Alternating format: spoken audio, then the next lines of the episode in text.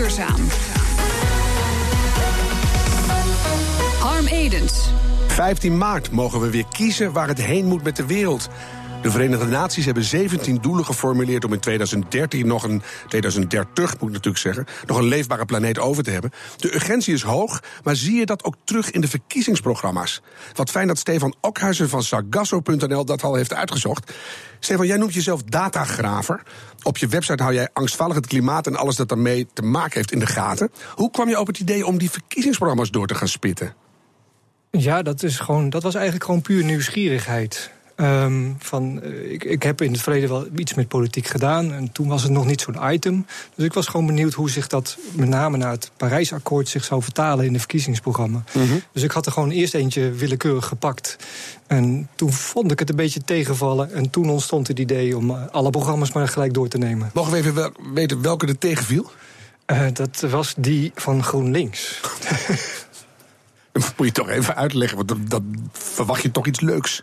Ja, nou ja, dat is de, de echte GroenLinks-partij uh, die het thema al jaren in zijn portefeuille heeft. En ik vond de visie en de integrale benadering van de, hoe je nou uh, de, de broeikasgassen kan bestrijden, die vond ik gewoon tegenvallen. Ik had daar gewoon veel meer van verwacht. -hmm. Als je alle partijen bekijkt, is er dan sprake van enige urgentie? Je zei zelf al dat klimaatakkoord was een goede mijlpaal. Toen zouden er, zouden er dingen moeten gaan veranderen. Gebeurt dat ook in jouw optiek? Nou, niet bij alle partijen. Bij, een aantal partijen is het heel duidelijk uh, aangemerkt als het meest urgente thema. Maar bij een andere partijen daar komt uh, het sportklimaat of het ondernemersklimaat eerder dan uh, het echte klimaat. Dus dat, dat vond ik ook wel opvallend. Als we, het, als we het hoopvol willen benaderen, welke partijen hebben het bovenaan staan als dit, dit moet eerst? Uh, nou ja, de Partij van de Dieren is natuurlijk een vanzelfsprekende, maar ook de ChristenUnie, uh, ook de Partij van de Arbeid, GroenLinks, D66, die hebben toch wel uh, stevige paragrafen in hun programma staan. Dus dat vond ik positief. Wat natuurlijk gek is, hè, want als de planeet voor de mens volstrekt onbewoonbaar wordt, dan is het nog prima voor de dieren. Dus Nee, ook niet voor de dieren. Nou nee. ja, voor de kakkerlakken gaan we wel winnen, zeg ik altijd. Ja, ja, ja. ja, ja. Nee, maar dat... Bijvoorbeeld een partij als De Nieuwe Wegen, hoe doen die het? De nieuwe wegen. Zullen we maar laten zitten. Vandaag weer een nieuwe politieke partij erbij van Jacques oh, ja, Monash. Ja, die, van, hebben nog geen programma voor. de versplintering, het is verschrikkelijk. Wie, wie scoort er het best, vind je?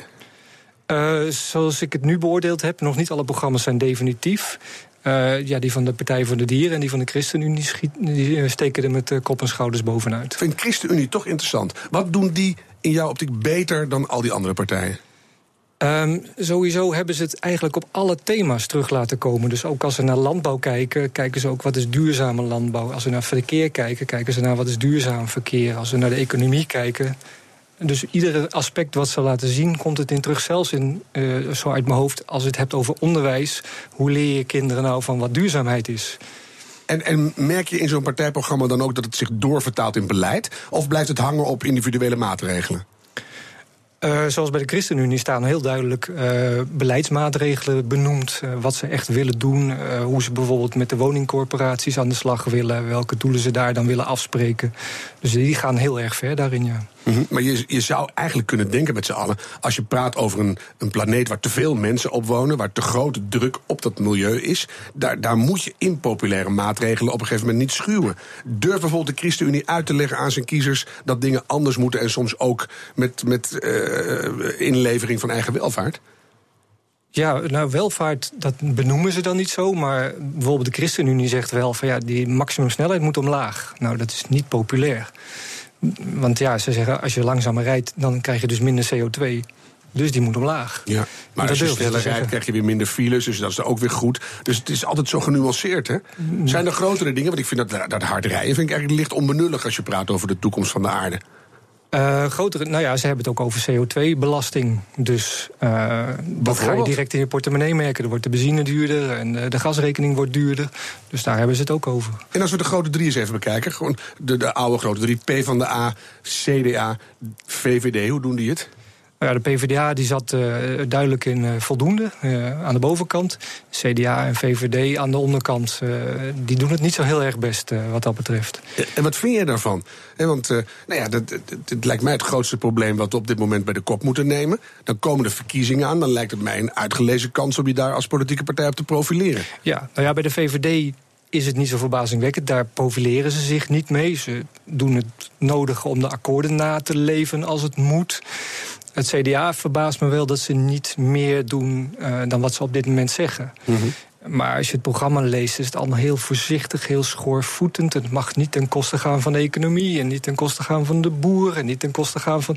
Ja, dan kan je dus niks bereiken. Nee, maar toen dachten we, nou, misschien is het handig om daar uit politicologisch oogpunt en rechtseconomisch oogpunt ook even naar te kijken. En, en daarom hebben we Edwin Woerman uitgenodigd, want die is dat alle twee van de Rijksuniversiteit Groningen. Edwin, hoe, hoe, kijk jij daaraan, uh, tegenaan? Want je hebt vooral de klassieke tegenstellingen van oudsher. Ja. Blijft dat zo? Of verandert dat langzamerhand? Nee, dat verandert niet. Uh, wat ik heel interessant vond om te zien, en ik heb vooral gekeken naar emissiehandel. Hè. Emissiehandel is mijn specialisatie, mm -hmm. CO2-heffingen. Uh, dus ik ben vooral de, de programma's op dat uh, onderdeel doorgegaan. En wat je daarin ziet, is echt die klassieke tegenstelling tussen de, de marktgeoriënteerde partijen, uh, laten we zeggen VVD, D66, partijen midden en aan de rechterkant. Die zie je ook heel nadrukkelijk kiezen voor de markt. En um, partijen zoals GroenLinks, PvdA, SP, die kijken vooral naar het interveneren, echt direct interveneren in de CO2-prijs. Mm -hmm. En daar zie je dus echt dat klassieke verschil tussen de overheidsgeoriënteerde partijen die zeggen van nou ja, leuk dat we een markt hebben, dat we een marktregulering hebben. Wij willen gewoon met onze vingers aan die CO2-prijs zitten om groene innovatie te stimuleren. Dat zie je aan de linkerkant gebeuren. En aan de rechterkant zeg je van nee jongens, aan de markt overlaten. Um, en wat ik bijvoorbeeld heb, um, Stefan naast me, die zei net um, dat de VVD uh, tamelijk slecht uh, scoort op, de, nou ja, op duurzaamheidsvlak. Ik vind dat eerlijk gezegd meevallen. wat zij heel consistent zeggen is dat uh, het emissieplafond, hè, dat wil de VVD graag, mm -hmm. in dat systeem van emissiehandel, dat die naar beneden gaat. Uh, en dat is toch wel uh, nou ja, helemaal in lijn ook met het Europees beleid. En ook een, een, heel belangrijk punt, overigens ook voor een aantal andere partijen. Ja, maar dan ga je er al vanuit dat emissie, uh, zeg, zeg, maar heel plat, CO2-beprijzing, mm -hmm. dat dat een sleutel tot de oplossing is. Ja. En dat vinden ze bij links wel, bij rechts weer anders. Maar er is natuurlijk meer dan alleen maar CO2. Dus als je nou op, op de, de hele grote groene bril naar die verkiezingsprogramma's kijkt, wat, wat zie jij dan? Uh, nou, ik zou daar toch één ding gelijk tegenin willen brengen. Uh, die CO2-beprijzing is volgens milieueconomen echt cruciaal. Denk ik ook. Maar... Uh, en en ik ben het ook helemaal eens met Stefan dat de ChristenUnie is de enige partij die ook zegt van we willen um, op termijn toe naar een CO2-prijs van minstens 60 euro per ton. Mm -hmm. uh, die die, die noem, benoemen dat echt uh, met een cijfer. Dat is uh, opvallend. In het hele programma van de ChristenUnie zijn ze telkens ontzettend concreet. Wat zij ook zeggen is dat plafond moet inderdaad, dat emissieplafond moet naar beneden. Dus die doen dat maar, alle twee? Die zeggen inderdaad, plafond naar beneden. En wij willen uiteindelijk toe naar een prijs van, van die 60 euro. Ja, hoe je dat bereikt, dat is eventjes de tweede vraag. En dan zie je inderdaad GroenLinks en, en de PvdA zeggen van... nou, wij willen echt met onze vingers aan de prijs zitten. En je mm -hmm. ziet VVD, dat is heel consistent natuurlijk, zeggen van... nee jongens, afblijven. Uh, we moeten aan dat plafond sleutelen en verder niet. Maar zou dat een, een, een manier zijn om de urgentie omhoog te krijgen? Als je inderdaad gaat praten van deze verkiezing en het kabinet wat daarna komt, moet zich echt bezig gaan houden met CO2-beprijzing. Zou dat een oplossing zijn, denk je? Uh, nou, we zijn al sinds, sinds 2005 hè, bezig in Europa met die CO2-beprijzing. Alleen de prijs is laag, vindt men. Veel te laag, zou je zeggen. Ja, en dat uh, hangt er vanaf welk perspectief uh, je kiest. Hè. Mm -hmm. als je zegt, wij willen groene innovatie aanjagen... we willen hernieuwbare energie sterker stimuleren... dan moet je inderdaad een hogere prijs hebben. Je kan ook zeggen, van als je de, de klimaatschade berekent... Hè, die wordt dan berekend op zeg maar 30, 40, 50 euro per ton CO2. Ja, we hebben nu een prijs van 5 euro per ton CO2. Dat is in dat opzicht veel te laag. Als je kijkt naar de wetgeving, dan moet je dus kijken naar de richtlijn emissiehandel. Daar staat in artikel 1 Heel, heel duidelijk en heel simpel. Wat willen we eigenlijk in Europa met het boegbeeld van het Europees klimaatbeleid? Dat emissiehandelssysteem. We willen uh, plafonds bereiken. Hè, dus we willen emissies reduceren. Mm -hmm. Dat is één. En ten tweede, we willen dat op een zo goedkope uh, mogelijke manier. Dus kosteneffectief. Maar als je kijkt naar wat je in 2030 wil halen om die planeet nog een beetje te redden, dan moet het denk ik sneller. Ja. Dus dan kan je wel zeggen, we hebben richtlijntjes en een akkoord. Maar het is misschien niet genoeg. Nee. Dus la, laten we het anders zeggen. Welke partij probeert zijn nek uit te steken en, en denkt het echt te gaan redden? Hebben ze het daarover? Of is het allemaal maar een beetje in de vage? Nou, het is een beetje in de vage. Dat is mij eh, wel opgevallen. Dat, er, er wordt in grote woorden gesproken. Er zijn een paar uitzonderingen, zoals de ChristenUnie inderdaad. Mhm. Eh, het lijkt alsof ik hier een promotiepraatje voor de ChristenUnie aan het houden ben. Dat is eh, niet de partij waar ik ooit op gestemd heb. of ik anders moet stemmen ook. Dus. Ja, het- maar goed, het is mij echt opgevallen. De, de mate van detail waarin het is uitgewerkt. Dus echt een compliment voor hun op dat vlak. Ik wil toch even iets anders vragen. Eh, die PVV, hè, die Ja. wordt, wordt alsmaar groter, denken we. Die gaan ons redden van de islam. Maar gaan ze ons ook redden van de ondergang van de wereld? Ja, dat is een eh, heel groot vraagteken. Er wordt in eh, het PVV-programma eigenlijk eh, niets vermeld over het klimaatprobleem. Behalve dat men geen subsidies aan windmolens wil geven. en ehm, ja, nee, daar, daar ga je het klimaat niet mee redden. Dus ik vond het een beetje een zagrijnig programma in dit opzicht. Dan toch maar de VVD of gaan we het ook niet meer redden? Nou, dat ligt eraan. Eh, de VVD die zegt, ehm, en daarom vind ik het, eh, wat, wat Stefan zei, inderdaad, eh, VVD weinig groen. Ik denk daar iets anders over. Zij zijn wel heel consistent door te zeggen, we hebben een marktinstrument en we vinden dat we meer moeten doen. Die, dat emissieplafond moet naar beneden. Mhm. Laten we hopen dat dat gaat lukken. Heren, voor jullie alle twee. Hè? Ik vraag me dan af, waarom is er niet meer consensus? We dansen op een vulkaan. Ehm, voor jullie gevoel, in hoeverre gaat de opwarming van de aarde en alle klimaatproblemen daaromheen een leidend motief worden bij de komende verkiezingen? Nou, als het aan mij ligt, eh, het absoluut leidende eh, thema natuurlijk. Maar als je, als je kijkt naar de partijprogramma's, Nee, ik verwacht het niet. hoe is dat mogelijk? Het Ja. moet nu gebeuren. Ja. Eh, Een groot raadsel, net zo goed als in de Amerikaanse verkiezingen het ook geen thema was, zie ik het hier in Nederland ook niet ontstaan. Ja, ik sluit me daarbij aan. Het, eh, het, het, het staat niet op nummer één. Dat is ooit wel zo geweest. Hè. Milieu, klimaat, dat heeft ooit bij de Nederlandse kiezer op, op één gestaan. Maar dat is inmiddels lang geleden. Het gevoel is denk ik ook van, ach, er wordt aan gewerkt. Laat de beleidsmakers maar een beetje sleutelen. Dat zie je ook terugkomen in de programma's. Hè. Een CO2-heffing bij invoeren of plafond wat naar beneden. Nou ja, goed, ze zijn toch goed bezig. Dus waarom zou je er druk om maken? Mhm. Nou, dat doen wij dan wel namens Zeker. iedereen. Laten we hopen dat ze allemaal luisteren, toch? Inderdaad. Ik ga jullie bedanken. Stefan Okhuizen en Edwin Voertman. Straks in BNR Duurzaam. Hoe erg moet je als circulair bedrijf op je kop gaan staan? Wil je van een bank financiering krijgen? BNR Nieuwsradio. BNR Duurzaam. Al je oude kleding steeds maar weer weggooien. Zonde en niet duurzaam. Dat kan beter, dachten ze bij Mud Jeans. Ze begonnen spijkerbroeken te recyclen. En nu hebben ze nog wat ontwikkelkapitaal nodig. Verslaggever Jigal Krant, maatje 28, probeert erachter te komen waarom dat zo lastig is. Mooie broek, zit een beetje ruim. Ja, dit is eh, zeg maar een heel gangbaar model wat veel mensen makkelijk kunnen dragen. Er moet nog wel een stukje af, de hij is wat te lang. Maar verder zit hij ja, precies zoals de broek die ze juist hebben uitgetrokken. Ja, en dat is dus het mooie, dat je het gewoon niet merkt dat hier al gerecycled materiaal in zit. Want deze broek is helemaal gemaakt van oude spijkerbroeken. Eh, gedeeltelijk. 25% gerecycled materiaal zit hierin en 75% nieuw materiaal. En dat moet naar 100%? Dat, dat zou wel een wens zijn, dat lukt op dit moment niet. Maar we moeten wel naar 50% kunnen gaan in de komende jaren. Ja. Ja, maar die 25% is genoeg. Zullen we er even bij eh, gaan zitten? Ja.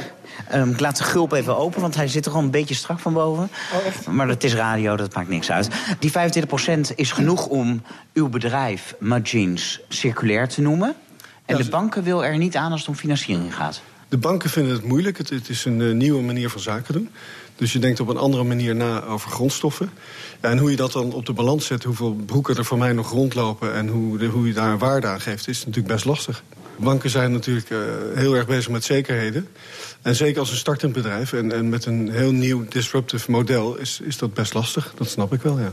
Ja, maar er zijn veel meer bedrijven met duurzame concepten eh, die starten. Wat maakt het voor u zo lastig om die lening te krijgen? Nou, wij leasen dus aan particulieren en dat is een klein maandelijks bedrag. Deze spijkerbroek kan ik niet kopen, maar ik moet hem huren. Je kan bij ons een jeans leasen. Je kan hem ook gewoon kopen en dan is die 98 euro met een tientje statiegeld. Maar even terugkomen op dat leasen, dat is 57 per maand. Dat doen we dus aan particulieren. En dat is moeilijk um, om dat, uh, daar zekerheden voor te krijgen. Wij, wij sturen die naar jou op. En we weten eigenlijk niet precies wie jij bent. Dus, dus of maar dat, dat heeft elk verhuurbedrijf. Nou, dat is niet waar. Bijvoorbeeld als je naar autoleasen gaat, dan, dan gaat het, gebeurt dat vaak naar bedrijven.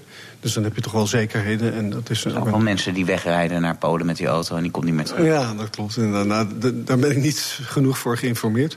Maar dat is in ieder geval het criterium wat de bank aangeven. Dat ze aangeven dat dit, dit, moeilijk, uh, hier is moeilijk zekerheid voor te krijgen. En uh, gelukkig heb ik uh, tot nu toe alles zelf kunnen financieren. En er zijn een aantal mensen ingestapt die hier ook in geloven. Dus uh, zodoende uh, kunnen we doorgaan met dit bedrijf. Ik heb de jeans nu een uh, tijdje aan. Hij is opgewarmd, hij zit lekker. Ja. Maar wat voor u belangrijk is, is dat verhaal duidelijk maken. Bij de bank is het niet gelukt. Hoe gaat het u wel lukken in de markt? Nou, door zo veel mogelijk klanten te krijgen... die meteen ook ambassadeur worden van je merk. U moet het hebben van mond-op-mond -mond reclame. Ja, dat is heel belangrijk voor ons. Ja, maar hoe het nou precies zit? Waarom is het nou zo moeilijk voor banken om een circulair bedrijf te financieren? Jeroen van Muiswinkel, business developer duurzaamheid bij de Rabobank. Het, ja, eigenlijk het meest, uh, het meest simpele antwoord is inderdaad wat, uh, ja, wat Mudgins al zei. Um, kaststromen zijn, zijn, zijn voor ons zijn, zijn essentieel. Um, en wat hij ook zegt is van, uh, van joh, we moeten zo snel mogelijk zoveel mogelijk nieuwe klanten krijgen. Nou, eigenlijk is dat het antwoord. Van, maar dat geldt toch voor elk bedrijf, of eens, je nou circulair bent of niet? Eens, eens. En met name bij circulair, um, wat hij zelf ook al zei, hè, het is een nieuw concept. Um, belangrijk daarbij is dat het, dat het ook dat het zich bewijst. En uh, dat bewijs, dat, uh, ja, dat, dat zien we heel graag komen in, in, in met name klanten en, uh, en kaststroom. Ja, maar dat, argument lees ik bij jullie op de site bijvoorbeeld ook. En -hmm. als je een beetje research, en er zijn niet zo heel veel voorbeelden van circulaire bedrijven met een goed verdienmodel. Klopt. Maar dan denk ik, ja, en daarom moeten jullie een beetje helpen. Want ja. dan komen die goede voorbeelden er vanzelf. Ja, ja eens, eens. En dat doen we ook. Althans, uh, kijk, dat, dat is bijvoorbeeld mijn rol. Uh, ik, ik, ben, uh, ik, ik help graag bedrijven. eh, en dat doe ik ook, ook één op één of, of door workshops te geven of iets dergelijks.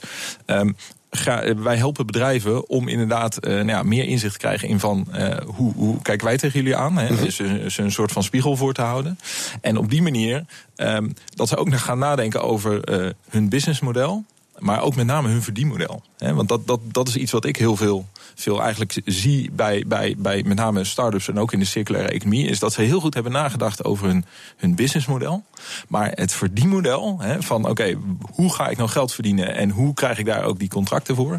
Dat, ja, dat is af en toe nog lastig. Dat is weer minder. Maar als je naar de mudjeans kijkt, die bestaan al een tijdje. Er zit ook, zelfs als je met die broek naar Polen rent, heb je toch nog een tientje statiegeld. Ik denk, daar moet je gewoon aan kunnen zien hoe de bedrijfsvoering in elkaar steekt. Ja, eens. eens.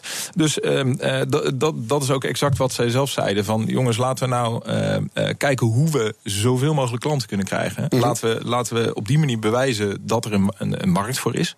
He, want dat, en, en maar dat dan hebben ze die klant al, dan loopt het al. Hebben ze misschien exact. een heel ja. klein beetje ja. financiering ja. nodig. Maar voor het begin is ook geld nodig. Ja, exact. En dat, dat, dat is ook waarom wij zeggen als bank van kom erop met dat plan. Hè. Dat, dat is, wat we eigenlijk zeggen is, we moeten misschien niet als bank alles zelf gaan financieren. Maar mm -hmm. wat we wel kunnen doen, is je door ons netwerk uh, aan ons netwerk te koppelen. Hè. Bijvoorbeeld vermogende particulieren of crowdfunding, andere, bedrijven, crowdfunding. Al die nieuwe manieren van financieren, exact. daar helpen jullie ook bij. Ja, ja dus dat, dat wij meer een facilitator zijn dan dat we altijd de financier zijn. Dan blijf je met altijd spaargeld zitten met 0% uh, rente. Exact. Dat is ook weer niks. Voorbeelden van bedrijven die jullie wel steunen, waarvan je zegt dat loopt goed. Een erg mooi voorbeeld die ik zelf, uh, waar ik zelf ook bij betrokken ben geweest, is Fairphone. De, de, de, de telefoons. Mm -hmm. nou, daarvan zei ook iedereen van nou, he, is dat wel, uh, hebben ze. Nou, maar ja, je ziet gewoon dat het model werkt. Ze hebben inmiddels meer dan 100.000 telefoons verkocht. Wat was het punt dat jullie daar instapten? Dat jullie dachten, oh, dat kan wel. Nou, de, dat, Want die dat hadden ook eigenlijk... een heel ideeel product en een waardeloos verdienmodel. Ja, eens. Dus... Nou, nee, geen waardeloos verdienmodel nee, wat mij betreft. Ik ken ze goed, maar het was ook moeilijk ja, in het begin. Ja, nee, het was dus, moeilijk in het begin, eens. Ja. En wat, wat, wat we daar zeiden is van nou, ze hebben, ze hebben op een gegeven moment hebben ze, nou, hadden ze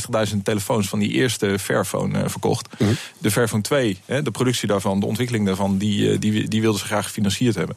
Nou, daar, daar zijn wij ingestapt. Uh, en dat is met name op, op, op basis van, oké, okay, we hebben vertrouwen in, in jullie als bedrijf. En we hebben vertrouwen, en jullie hebben ook laten zien dat, je, dat er een markt voor is. Nou, ja. die combinatie, dan, dan financieren we heel graag. Nou, nou zie ik het idealisme ook aan je hangen. Dat, dat doe je goed. Dus de radio is lastig. Maar als je erover nadenkt, na de bankencrisis en banken op zoek naar een nieuwe verbindende plek in de haarvaten van de samenleving, zou je kunnen zeggen. Dat lijkt me nou typisch iets dat je als bank zou willen doen. Dat je, dat je circulaire startende bedrijven helpt. En toch voel ik nog wat koud watervrees hier en daar. Ja, nee, en, en, en daar zijn we. Uh, we willen heel graag. Laat me dat vooropstellen. Hè. Er is ook, ook met alle banken een convenant uh, getekend begin dit jaar. Uh, van jongens, als jullie een goed circulair verdienmodel of businessmodel en verdien- en businessmodel hebben. Mm -hmm dan, dan nou, kom dan naar ons toe. Dan, uh, dan, uh, dan willen we er heel graag naar kijken. Um, wij, wij worstelen er zelf ook nog mee. Dat was eigenlijk de vraag. En dat, dat is exact. eh, eh, daar ben ik heel druk met mijn collega's mee bezig. Van oké jongens, hoe? eh, wij moeten meer naar die, naar, naar die kaststromen gaan kijken. Hè, Maar ook naar een hele toekomst. nieuwe manier van economie natuurlijk. Eens. Want we gaan van Ja. product naar service. Ja. We gaan van wasmachines naar wasbeurten. Ja. En als je dat gaat doen, dan worden die wasmachines ineens beter. Want dan denkt die fabrikant ook, gaan nu wel modelletjes maken die nooit stuk gaan. Raw material banking in de bouw. Die, hele Rabobank, die hele bankwereld, die moet naar een nieuwe manier van kijken naar Eens. verdienmodellen. Ja, eens. eens. Hoe- doen zijn jullie we, dat? Nou, daar zijn we intern zijn we heel hard bezig om te kijken. Hè. Nou, ja, het werd al gezegd, eh, vroeger werd, het eh, banken mensen die, die, eh, die kijken naar zekerheid. En nou, ja, tegenwoordig zullen we dus meer richting die kaststromen gaan. Hè. En dat, dat is ook iets wat in het, in het, in het rapport staat, wat, wat, wat net is uitgekomen. Het gaat er voornamelijk om van zorg dat je een robuust contract hebt. Eh, en zorg dat je die, die, die kaststromen daar echt in, eh, ja, in, mee- in meeneemt. En zorg dat, dat die ook dat die, eh, op papier staan. Ja, in zoverre verschuiven jullie ook mee. Ja, nou, en, en eigenlijk, weet je, iedereen denkt dat, wij, dat, dat, dat er hele nieuwe producten moeten worden, worden, worden, worden ingezet. Ja, volgens mij niet. Alleen, we moeten op een andere manier naar de huidige financiering kijken. Ja, nu even, En daar, daar zijn we hard mee bezig. even terug naar Mud Jeans. Wat moeten ze doen om 100% op de Rabobank te kunnen rekenen? Ehm, ik denk dat ze vooral heel veel eh, spijkerbroeken moeten verkopen. Eerst zonder jullie. Eh, ja, of, of, of met andere financiers. Hè? Of, en, en daar kunnen wij ze bij helpen. Ja, dat laatste is goed, hè? Jullie gaan gewoon helpen. Wat voor maat heb je? 30 volgens mij. 30. Ja. Ik denk dat ze het gehoord hebben. Dankjewel. Jeroen van Muiswinkel van de Rabobank. De minuut van de waarheid.